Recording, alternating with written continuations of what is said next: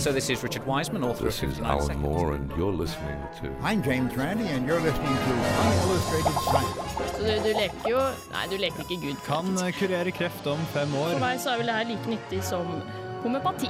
Dødsannonsen. Forskningsnytt. Altså, jeg kan ikke lage en hårete planet. Nei, nei. Uillustrert vitenskap.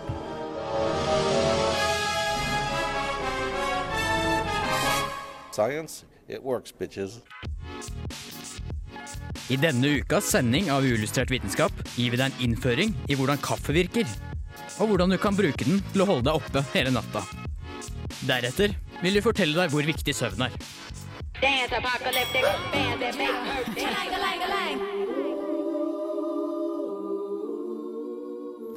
Ja, hei og velkommen til Uillustrert vitenskap. En splitter ny sesong, et nytt semester med Uillustrert vitenskap. Og med oss i dag så har vi som alltid Ole Eivind Sigrud. Hallo, hallo. Men litt mer spennende er kanskje at vi har med oss to nye her i dag. Det er faktisk mer spennende. Ja, det er, ja, det er kanskje blitt litt, litt for vant til deg, Ole Eivind. Du er litt kjedelig nå. Begynner å bli gammel. Ehm, ja. Den første vi har med her i dag er Agnes. Hallo. Hei.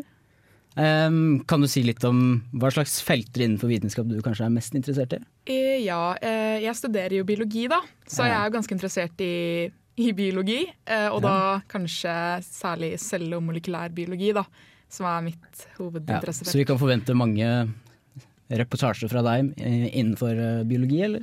Ja, jeg håper da det. Men du er kanskje interessert i litt andre ting også? Eh, ja, det er jo Altså, alt, alt innen vitenskap er kjempespennende. Jeg ble veldig glad når Ole Eivind snakket om at han var ølnerd i stad. Ja, det er jeg også. Ja. det har jeg ikke snakket så veldig mye om på Uillustrert, men kanskje litt Nei. senere i sendingen. Ja, kanskje du får vite litt mer om mørke siden til Ole Eivind etterpå. Ja, eller den lyse. Eller det er, ikke, det er kanskje ikke mørk siden, nei. Men eh, det er jo også enda en til ny en her i studio. Ja, hei sann, du. hallo. Eh, skal jeg kanskje fortelle litt om eh, hva jeg liker og hva slags vitenskap jeg er interessert i også? Kjør på. Ja. Ja, for det har jeg jo gledet meg til. Eh, nå, er jeg, nå studerer jeg ikke biologi, men jeg syns jo fortsatt at det er helt latterlig spennende. Men det er jo ikke bare biologi jeg syns er spennende. Nå i det siste så har jeg jo Jeg har jo nettopp begynt på kybernetikk på NTNU, og det er jo får ofte spørsmålet hva er kybernetikk? Eh, jeg kan jo fortsatt egentlig ikke svare på det, for det er det ingen som vet. Det morsomme Men- svaret, men som er feil, er vel roboter. Ja, vi svarer alltid roboter, men hvis jeg skal høres litt sånn Skal imponere litt, så sier jeg automatikk. Automatikk. Ja, det er, eh, så nå i det siste er det jo roboter som har blitt veldig interessant, da. Spesielt nå som vi driver og bygger Lego på skolen og sånne ting, og programmerer den. Ja, Men da er det fint at vi har fått en sånn god blanding her i studio. Sånn eh, alle er litt interessert i forskjellige ting. Og en fellesnevner er at alle er interessert i vitenskap. Det er det viktigste. Ja. Men uh, jeg faser meg ut uh, nå dette semesteret her. Uh, Ja, det betyr dessverre. at det er faktisk rom til enda en til. Ja, Det er på tide å søke samfunnet, dere. Ja, det, Fristen går vel ut søndag, tror jeg. Så dere må være litt raske. Søndag 25. august. Ja, og Der er det en stillingsannonse som heter radiojournalist, og eh, der i søknadsteksten kan du spesifisere at du vil inn i illustrert vitenskap. Ja, og det anbefaler jeg veldig. Det er så gøy at jeg har holdt på i fire år. og Det får Ja, for så vidt være nok. Fire år er lenge, det. Ja. Men uh, da får vi gå videre. Uh, nå kommer Ways to Go av Group Love.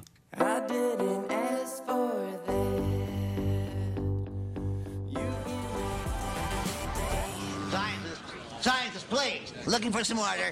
Some order, please, with the eyes forward and the hands neatly folded and the pang of attention. Pi is exactly three. Uillustrert vitenskap.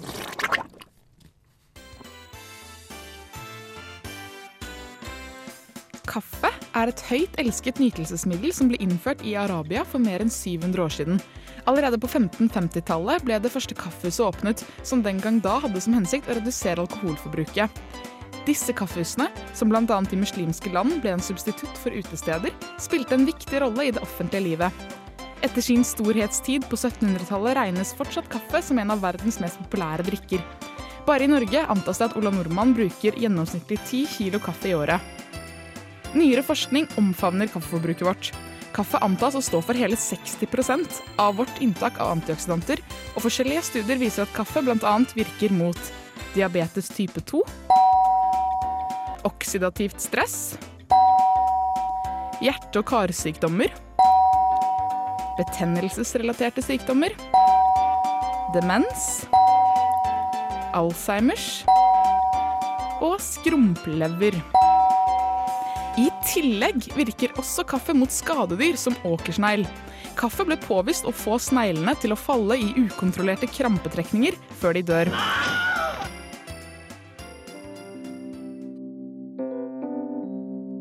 Men kaffe er også en tung last blant den svarte drikkens veteraner. For mens en moderat mengde, tilsvarende fem kopper om dagen, sies å være veldig bra for deg, kan en overtredelse på kun én kopp per dag føre til bl.a. sporadisk hodepine. Paradokset er at koffein er kjent for å ha en smertelindrende effekt, og dermed lindrer kronisk hodepine. Dette kan da bety at dersom man nyter godt av de smertelindrende egenskapene til koffein, bytter man ut den permanente hodepinen med sporadisk hodepine. Ja, der hørte du en reportasje om kaffe, laget av Agnes. Eh, og hvordan, eh, eller hvorfor lagde du egentlig en reportasje om kaffe? uh, ideen var vel egentlig å lage en reportasje om hvordan kaffe rettere sagt har eh, ødelagt veldig mye for meg. Uh, og den uh, saken dreier seg vel kanskje mest om ja, Mest relevant for piker da, som menstruerer. Nå kan man jo diskutere hvorvidt om det er menn eller kvinner som mister mest blod i løpet av livet på forskjellige måter, men kvinner har jo størst sannsynlighet for å få jernmangelanemi. Eh, og det er der kaffe kommer inn. da.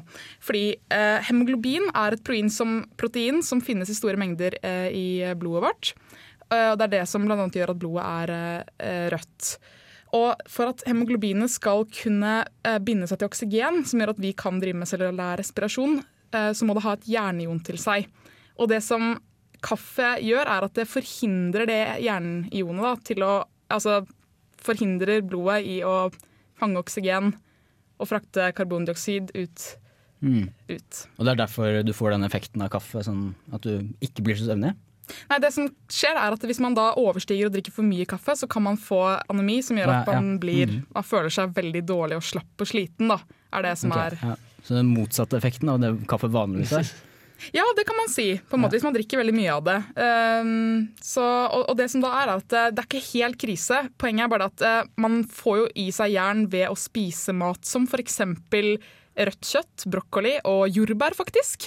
Men hele poenget er at man ikke kan drikke kaffe mens man spiser. Så man kan da vente en times tid før man drikker kaffe. da. Fordi da klarer kroppen å hente opp det jernet som gjør at Yes. Hm, det visste jeg ikke. Så nå blir litt voksen og begynner med sånn kake til kaffen etter middag. da. Ja. Jeg er ikke så voksen at jeg driver med kaffe engang, altså, så...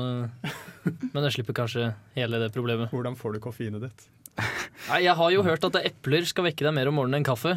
Uh, ikke at jeg spiser epler for den saks skyld heller, noe særlig, men ja, nei, nå må jeg tenke meg litt om her. Vi får se hva jeg ender opp med å gjøre.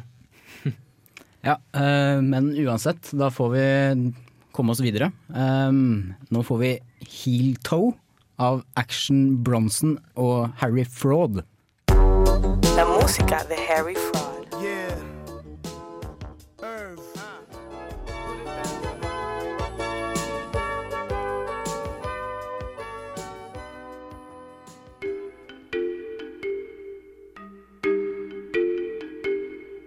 Har du noen gang lurt på hvorfor man sover? Da kan jeg meddele at du ikke er den eneste. Det er det nemlig mange som lurer på. Men et helt sikkert svar er det dessverre ingen som har.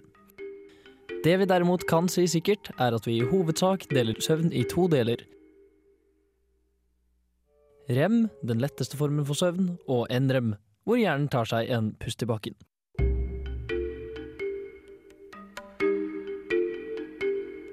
En studie foretatt i USA tyder på at man har lettere for å ta til seg lærdom etter å ha inntatt NREM-søvn. Det er nemlig under denne typen søvn at hjernen bl.a. oppdaterer langtidshukommelsen og legger til all lærdommen du måtte ha tatt til deg i løpet av dagen. Blant andre viktige funksjoner kan det også nevnes at det er på denne tiden av døgnet at hjernen begynner utskillelsen av veksthormoner for fullt. Og det er derfor man gjerne er litt høyere enn man var før man la seg. Men likevel regner man med at hovedfunksjonen i dette stadiet er å la hjernen ta en pause fra dagens harde mas. Under rem-søvn oppfører kroppen seg derimot mer som på dagtid. Sett bort ifra at kroppen er mer eller mindre paralysert på dette punktet, altså. Drømmene føles mest levende, og man tror ofte at man egentlig er våken. Dette gjør at hjernen får mange av de samme sanseinntrykkene som når man er våken, som endrer f.eks. pust og puls tilsvarende. Nytten i dette kan derimot diskuteres, og det har den for så vidt også blitt flere ganger. Noen tror at kroppen paralyseres og virker død som en slags siste forsvarsmekanisme mot ville dyr. Men en av de kanskje mer velkjente teoriene sier at rem-søvn er viktig for at hjernen skal utvikle seg fullt ut hos barn og nyfødte. Så der har du vel egentlig det, hvis du føler deg litt for barnslig, talentløs, eller kanskje rett og slett bare dørgende trøtt, så er det sannsynligvis eh, senga som er løsningen. Men det vet jo egentlig ingen helt sikkert.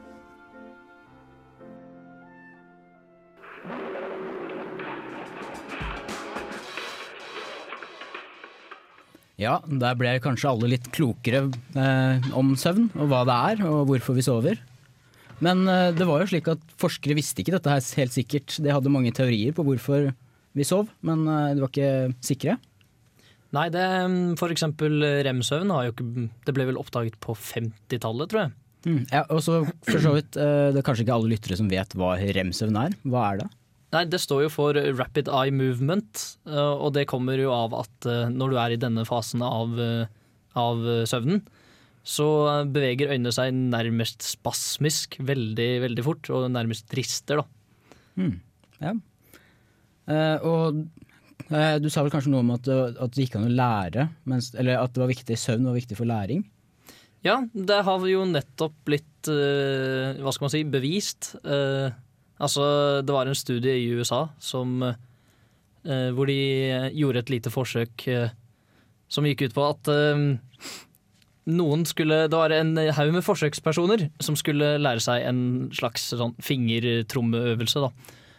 Og så fikk, etter de hadde lært den, så skulle de gå og sove, akkurat sånn som de selv ville. Og så skulle de komme tilbake neste dag og se hvor mye de liksom hadde lært av den. da. Og det viste seg at eh, ja, de lærte jo alt, alt det der helt fint, men så skulle de prøve med den hånden som, de ikke, som ikke var deres dominante hånd. Eh, Fordi det ble jo litt vanskeligere vanskelig da. Og så ble de vekket etter tre timer. Eh, Og så skulle de prøve å vise hvor mye de hadde lært da, og da var det veldig stor forskjell. Og det er jo fordi Man tror da, i hvert fall. Man tror det er fordi at eh, man ikke rekker å komme inn i den her dype søvnfasen. Det som er kanskje for NREM, altså non-rapid eye movement. Og for det er der man eh, Der hjernen liksom oppdaterer langtidshukommelsen med alt det du har lært i løpet av dagen. Da. Og når den ikke rekker å gjøre det, så er det jo naturligvis mye vanskeligere å lære ting. Sånn Basert på erfaring så gir det også ganske mye mening at man lærer ting, eh, eller eventuelt øver inn ting man har gjort tidligere på dagen eh, under søvn. Fordi alle som har spilt Tetris for eksempel, eller jobbet med Rubiks kuber eller noe sånn enkle ting som det, har antagelig drømt klosser fykende rundt omkring og ja, drømt det de har holdt på med. Det er derfor jeg alltid sover veldig mye under eksamensperioden. Lurt. Veldig For å spille mye Det er jo Tetris, forbedre deg i Tetris, eller er det snakk om annen øving? Nei, altså, det, du kan jo lure. Det, eh, det er jo viktig å sette prioriteringene sine riktig. Eh, Tetris har dessverre aldri vært helt på topp i eksamensperioden. Nei. Og så hadde du også en kul historie om eh, noen som tegnet i søvne. Ja, det var en mann i Skottland, faktisk. Han var veldig dårlig til å tegne. Men en gang i tenårene så våknet han til at et hus fullt av tegninger overalt, på vegger, på håndklær, alt mulig rart. Og han skjønte ikke hva som hadde skjedd. Eh, Så gikk det vel en uke, da. Eh, Og det, hadde, det samme hadde skjedd hver eneste natt, og dette kom bare plutselig over natta. Og så fant han ut til slutt at det, det var jo han som tegnet selv. Og dette var virkelig fine kunstverk. Han solgte dem for mange penger i tillegg. Så han begynte å legge ut lerreter og skriveblokker og sånt rundt omkring. Og så da han våknet, så var de fulle av tegninger. Ja, så det går an å gjøre enda mer i søvne enn bare å gå i søvne. Altså. Ja, du kan til og med tjene penger på det. Det er tydeligvis en som eh, Det er noe, feil, da, fordi vanligvis så blir man jo paralysert i søvne, sånn at man nettopp ikke skal drive og farte rundt omkring og falle utfor stup og trapper og bli påkjørt og Ja, alt altså det det, der. som, det som skjer da, er jo Det er under eh, rem-søvnen. Det er bare da, faktisk. Er det Det kun da da? man- Hm? Kun da? Det er faktisk bare da. Og det er jo ja, rundt to timer av nattesøvnen at du faller under den rem-søvnen. Fordi det er da du liksom er mest våken, eller nærmest det å være våken. Og det er da det er størst sjanse for at du slår vilt rundt deg, eller ruller utfor stup, eller hva du enn måtte finne på. Ja, For det er også da du, kun, det er bare da du drømmer også, kanskje? Ja, Eh, det er, eller det, Man er litt usikker, egentlig. Men eh, man, eh, man tror at det er da man liksom husker drømmene sine best. Men så er det litt sånn eh, konflikter angående om du faktisk drømmer eh, under NREM eller bare under REM-søvn. Men det er i hvert fall under REM du er eh, Det er de delene du husker. Men stemmer det at man drømmer bare 20 minutter hver natt? Det er faktisk ikke sant, fordi det er under Man tror i hvert fall ikke det er sant, men det her er jo, man er jo ikke helt sikker på det her. Men det er under den her rem-søvnen, og den varer jo at man drømmer, da. Eh, og den varer jo i rundt to timer eh, for gjennomsnittspersonen. Kanskje det er fordi at man drømmer, og så våkner man litt, og så drømmer man igjen Ja, for det går jo i, det går jo i steg. per Eh, enhet søvn.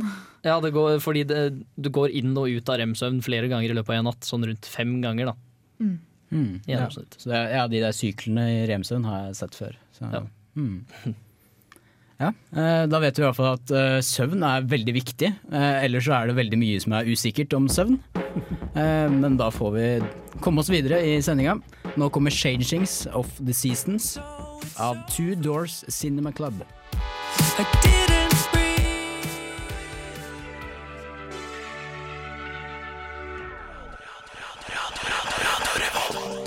Det er mange mektige personer opp gjennom historien som har jaktet på evig liv. For de fleste høres kanskje dette bare tåpelig ut. Men er det virkelig umulig å leve evig? Forskere har nylig funnet et protein i hjernen kalt NF-kappa-B, som kan se ut til å ha en viktig rolle i aldringsprosessen. I et forsøk fjernet forskere dette proteinet fra en gruppe mus. Det viste seg at levetiden deres økte med 20% i forhold til vanlige mus. De hadde også sterkere muskler og ben, var bedre til å lære og var generelt friskere.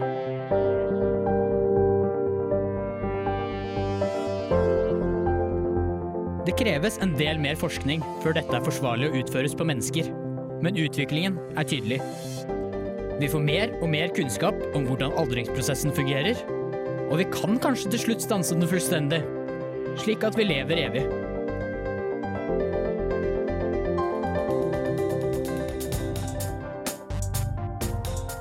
Genforsker Audrey de Grey ved Cambridge University mener så absolutt at det er mulig å stanse aldringsprosessen. Og han tror også at det ikke er så lenge før vi får det til. Han har tidligere sagt at den første personen som vil leve til tusenårsdagen sin, allerede er i live. Og at alle i en alder av 40 år og yngre kan forvente å leve i flere århundrer fremover.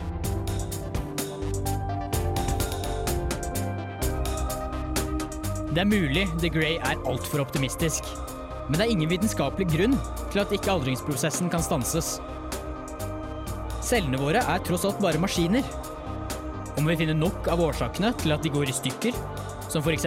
proteinet NF-kappa-B, så trengs kanskje bare litt vedlikehold av maskineriet. Og plutselig lever vi evig.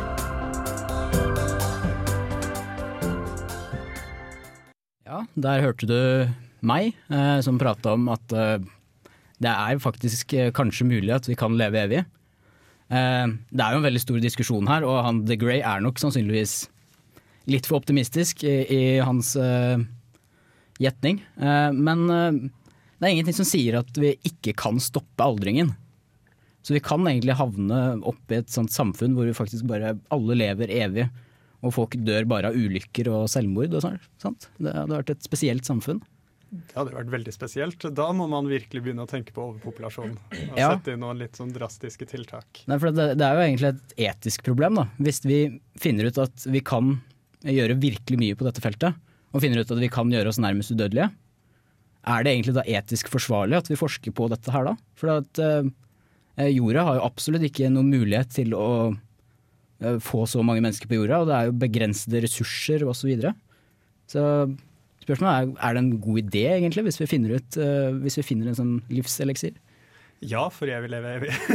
Ja, de kan Nei, tenke veldig egoistisk at jeg vil leve evig, men uh... Ja. Et annet spørsmål Jeg har ikke svaret på om det er etisk forsvarlig å forske på dette. Det vil jeg jo si at man kan forske på, så blir det et etisk spørsmål om man skal sette det ut i livet eller Mm. ikke. Men eh, et annet spørsmål er jo også har man egentlig lyst til å leve evig hvis man eventuelt ikke kan begå selvmord. Men det vil man jo alltids kunne gjøre, da. ja. Nei, det, ja.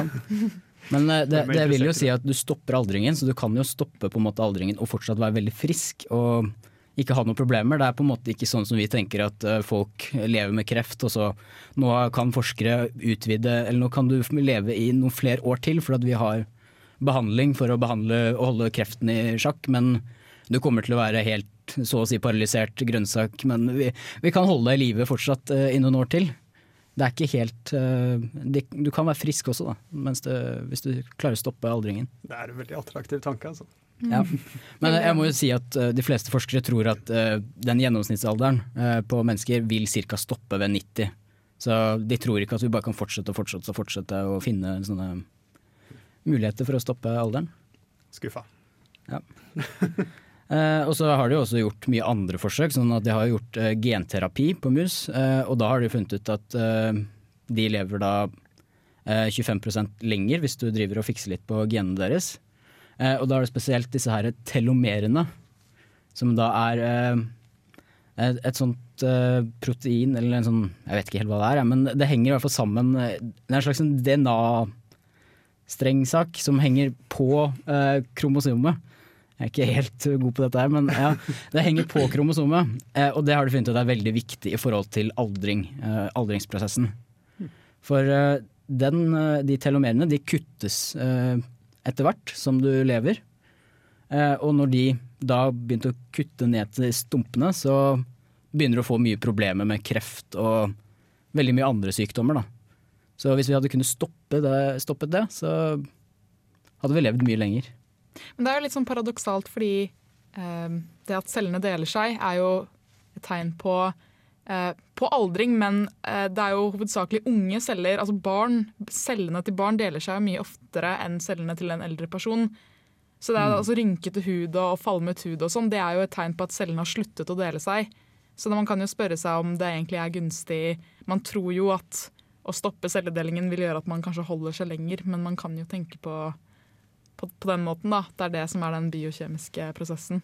Men å stoppe celledelingen, det er jo ikke helt uh, gunstig, er det vel? Nei. Hvis du har uh, så og så mange celler å gå på, så må du gå veldig forsiktig ned gata.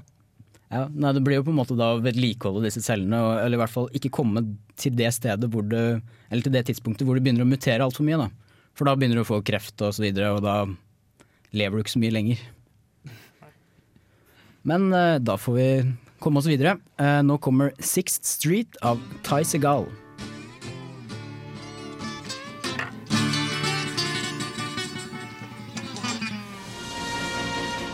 Uillustrert vitenskap presenterer Forskningsnytt.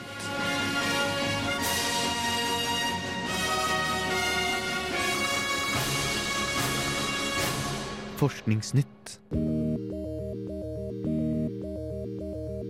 Siden 1977 har romsonden Voyager 1 sust gjennom verdensrommet. Først på vei mot Jupiter, som den passerte i 1979. Deretter passerte den Saturn året etter, og så fortsatte den. 36 år senere fyker den videre vekk fra jorden og befinner seg nå helt på kanten av solsystemet. Det mener i hvert fall NASA.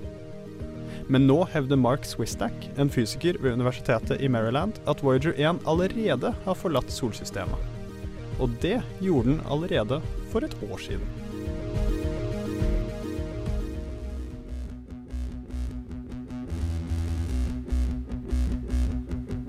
Det kommer stadig vekk nye rapporter om lovende batteriteknologi som er rett rundt hjørnet. Men utviklingen på batterifronten går dessverre fortsatt ganske tregt. Nå melder National Geographic at en rekke forskere mener at såkalte ultrakondensatorer har en reell mulighet til å konkurrere med batteriene. I motsetning til batterier, som lagrer energi i kjemisk form, lagrer kondensatorer elektrisk energi i rommet mellom to ledere. Det gjør at de kan lades langt raskere enn batterier. Dette er dog ingen ny teknologi, Men ferske gjennombrudd gjør det mulig å benytte kondensatorer på områder man hittil kun har brukt batterier. Så da er det bare å glede seg til å kunne lade mobilen på noen få sekunder, og bilen din i løpet av minutter. Storstipendet har kommet, semesteret har akkurat begynt, og det er så godt som helg allerede. Alle faktorer som sterkt korrelerer med å dra ut på byen, som igjen har en kausal relasjon til kjipe hodepiner dagen derpå. Åh. Hadde ikke vært fint med et øl som ikke ga bakrus? Akkurat det mener nå en gjeng australske forskere at de har klart å lage. Og hvordan gjorde de det? De gjorde ølet likere sportsdrikker. Ved å fjerne en del av de dehydrerende egenskapene fra ølet og tilsette ekstra elektrolytter, hevder forskerne at ølet virker hydrerende, og vil dermed minimere bakrus.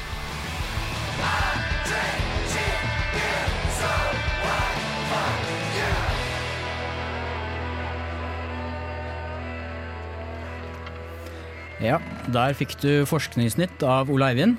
Eh, og den første saken, det var om Voyager 1. Ja, eh, Voyager er en forferdelig kul liten romsonde. Det at man Ja. sendte den opp på 70-tallet og den suser videre fortsatt, er jo helt Mm, vanvittig. ja. Men jeg, jeg syns jeg har hørt denne her nyheten før, ja, at den har forlatt solsystemet. Ja, det er vel eh, på ingen måte første gang. Eh, den kommer eh, stadig vekk. Men nå har den kommet på nytt. Ja, NASA sier at den ikke er ute, da. Det er enda en ny definisjon av solsystemet den har forlatt. Ja eller nei, det er faktisk eh, denne gangen går det ikke på definisjonen av solsystemet. Okay. Ja, men hvordan vet man eh, Nei, det er nettopp det. da. Det NASA sitter og venter på da, for å erklære at nå er den ute av solsystemet, er å observere forskjell i uh, magnetiske feltet. Eh, fordi nå ja, skal den jo befinne seg innen solens magnetiske felt. Eh, og så vil den, når den da går ut av solsystemet, så vil den komme inn eh, i det magnetiske feltet til eh, såkalt interstellar space, altså verdensrommet, utenfor solsystemet. Uh, og det skal jo være forskjellig, og antagelig ha en annen retning. Og da vil man se på målingen at uh, nå er det et annet magnetisk felt. Og da har man en klar overgang da, mellom solsystem, ikke-solsystem. Uh, okay. Så NASA sitter og venter på det signalet, da. Og det Mm. har ikke kommet. Nei. Men eh, så er det jo han derre Mark Swistak og eh, teamet hans da har jo kommet med en, et forslag om at det er jo ikke sikkert at magnetiske feltet utenfor solsystemet har en annen retning enn solsystemets magnetfelt. Og foreslår da eh, et fenomen som kalles magnetic reconnection, som at det kan forklare eh, hvorfor eh, disse feltlinjene kanskje vil være parallelle også ved overgangen. Eh, magnetic reconnection er da et sånt uh, fenomen der feltlinjer de bryter sammen, og så mm, på en måte rekombineres de uh, på spenstig vis. Og noen mener også at det er det som kan forklare mm, sånne solstormer osv. Og, så og i Mm. hvert fall hvis de har rett, og at det er et slikt fenomen som skjer, så vil man jo ikke se en sånn tydelig overgang. For den vil være litt sånn jevn. Og da har de på en eller annen måte kalkulert at det- den forlot solsystemet i juli i fjor. Akkurat det vet jeg ikke helt. I juli i fjor, ja. ja. Men eh, NASA de, eh, de sier fortsatt at nei, vi har ikke sett signalet, den er ikke ute av solsystemet. Og eh, den viktigste definisjonen er vel kanskje bare har NASA sagt det eller ikke. ja. Men tar det ikke litt tid også før de signalene fra Voyager 1 kommer til jorda? Hvis det, er, det er vel en liten avstand der? Det er nok en god avstand, men akkurat det tror jeg nok NASA har Ja, tatt med i beregningene, Ja.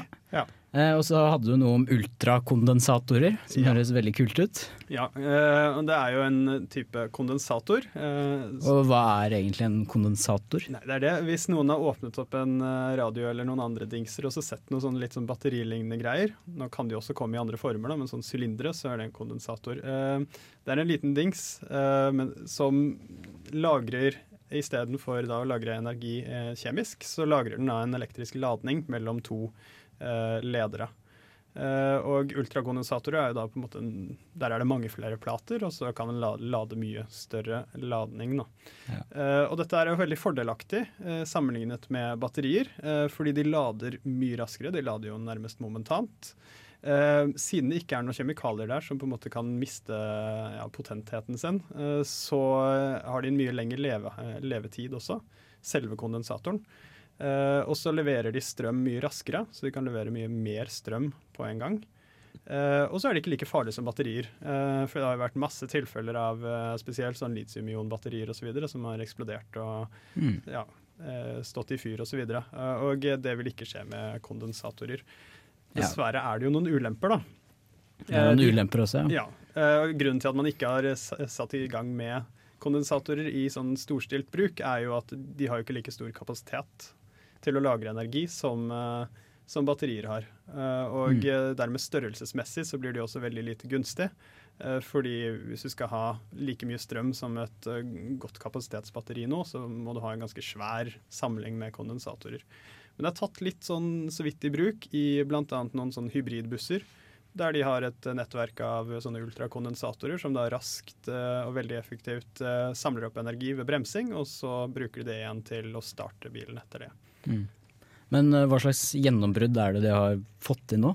Nei, og Her knyttes det jo opp til grafen, som jo vant ja, fysikk-nobelpris ja, for oppdagelsen av. sånn et lag med karbon. Og så var det en, eh, en, student, tror jeg det var, eller i hvert fall en stipendiat eller noe sånt, noe, som fant ut at man kan produsere grafen med en DVD-brenner med en såkalt mm. lightscribe-funksjon, som da driver vanligvis og tegner bilder på overflaten av en DVD-plate. Hvis man da hadde grafittoksid da, på en, toppen av platen, så vil den lage lag på lag på lag med grafen.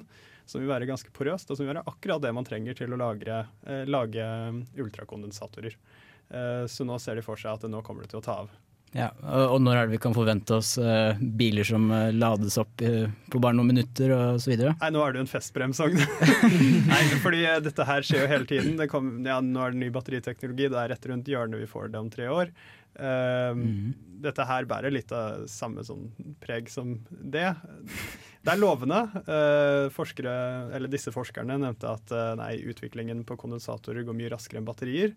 Men gjør det det? Ja, det er ikke sikkert det kommer i vår levetid. Mm. Det kan hende det bare ikke blir noe av. Får det vel forhåpentligvis når uh, Voyager går ut av solsystemet neste gang. Ja. ja. Noe sånt. Mm.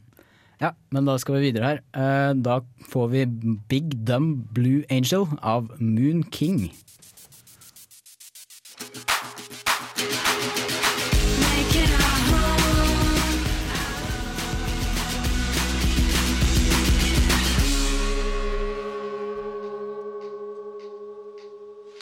Uillustrert vitenskap. Radio Revolt. This is Charles L. Bennett from Johns Hopkins University. Science, it works, bitches. Ja, da skal vi fortsette å prate litt om eh, Forskningsnytt. Eh, for det var jo enda en sak som vi ikke rakk å prate om. Eh, dette her, nemlig dette her med øl øl uten bakrus? Ja, her er det en gjeng med australske forskere som virkelig har uh, kommet ut og sagt at vi har på en måte nådd utopi med øl som ikke gir bakrus. Ja. Det er vel det viktigste målet av alle sånne vitenskapelige Ja, fordi du uh, kunne jo alltids bare drikke litt mindre. Men det er fortsatt veldig viktig å komme med øl som ikke gir bakrus. da. Dette mener de at de har oppnådd ved å fjerne en del av disse dehydrerende egenskapene hos øl. Og så har de vært inspirert av sånne sportsdrikker som har electrolytes, uh, og dermed lagt inn elektrolytter i ølen. Altså egentlig bare ioner. Uh, antagelig type natrium og kalsium og kalium og ja, mm. de ionene man trenger for en vanlig sånn væskebalanse osv. I, i kroppen. Men uh, smaker den noe godt, egentlig? Jeg, jeg, føler at det kanskje er litt viktig. Ja, de skriver bare at de har tilsatt elektrolytter, så jeg vet ikke helt hva slags elektrolytter, men jeg regner med at dette her ikke hjelper på smaken i det hele tatt. Nei. Er dette, det med de elektrolyttene, er det det eneste de har Eller hvordan har de egentlig lagd dette ølet her? Nei, det er nettopp det. Eh, akkurat hvordan de har lagd det. Det kan jo hende de bare lagde vanlig øl og så tilsatte noe elektrolytter eller et eller annet. Eh, det går de ikke inn på. Uh, men de har visstnok testet det, og det skulle være kjempebra. Eh, fordi de fikk folk som akkurat hadde hatt en treningsøkt til å drikke dette ølet. Så ga de dem litt forskjellige, to sånn fullstyrke og noen lettøl og litt sånt. med Alt med sånn elektrolytter. Og så fant de ut at dette her hydrerer kroppen 30% bedre enn vanlig øl. Og da kan du jo ikke ha mm. bakrus. Men det er jo ikke så enkelt som det, og dette går jo ikke forskerne inn i i det hele tatt. Men bakrus er jo ikke bare forårsaket av dehydrering. Det er jo eh, diverse sånne Eh, avfallsstoffer som eh, produseres når man forbrenner alkohol, og det er diverse andre urenheter i andre typer drikker man drikker osv. Mm. Dehydrering er bare én en liten bilde av, av totale sammenhengen, så jeg tror nok ikke det funker i det hele tatt. Nei, det går jo an å være aldri så flink med å drikke masse vann etterpå, men eh, du Dette er rett og slett bare tull. Ja. ja. Eller ja, bare tull. Ja. Nesten bare tull. Eh, men da begynner vi å nærme oss eh, slutten. Eh, må huske å reklamere litt for eh, eh, den nye posisjonen her i Ullustrert. Vi må ha en ny person her. Gå inn på samfunnet.no slash stilling, tror jeg det er. I hvert fall samfunnet.no, så finner du det frem til eh, nye stillinger. Radiojournalist heter stillingen. Og det er Uillustrert vitenskap som er programmet du skal søke Selvfølgelig. Hvis du ikke er interessert i forskning, eller er mer interessert i sånn film og musikk og bøker osv., så, videre, så har vi program for det. Og så trenger vi også radioteknikere. Og Mm. søke vei. Ja, da går vi mot slutten. Eh, da er det bare å si farvel, og vi ses vel eh, neste uke. Det gjør vi. Ja. Adjø. Ha det.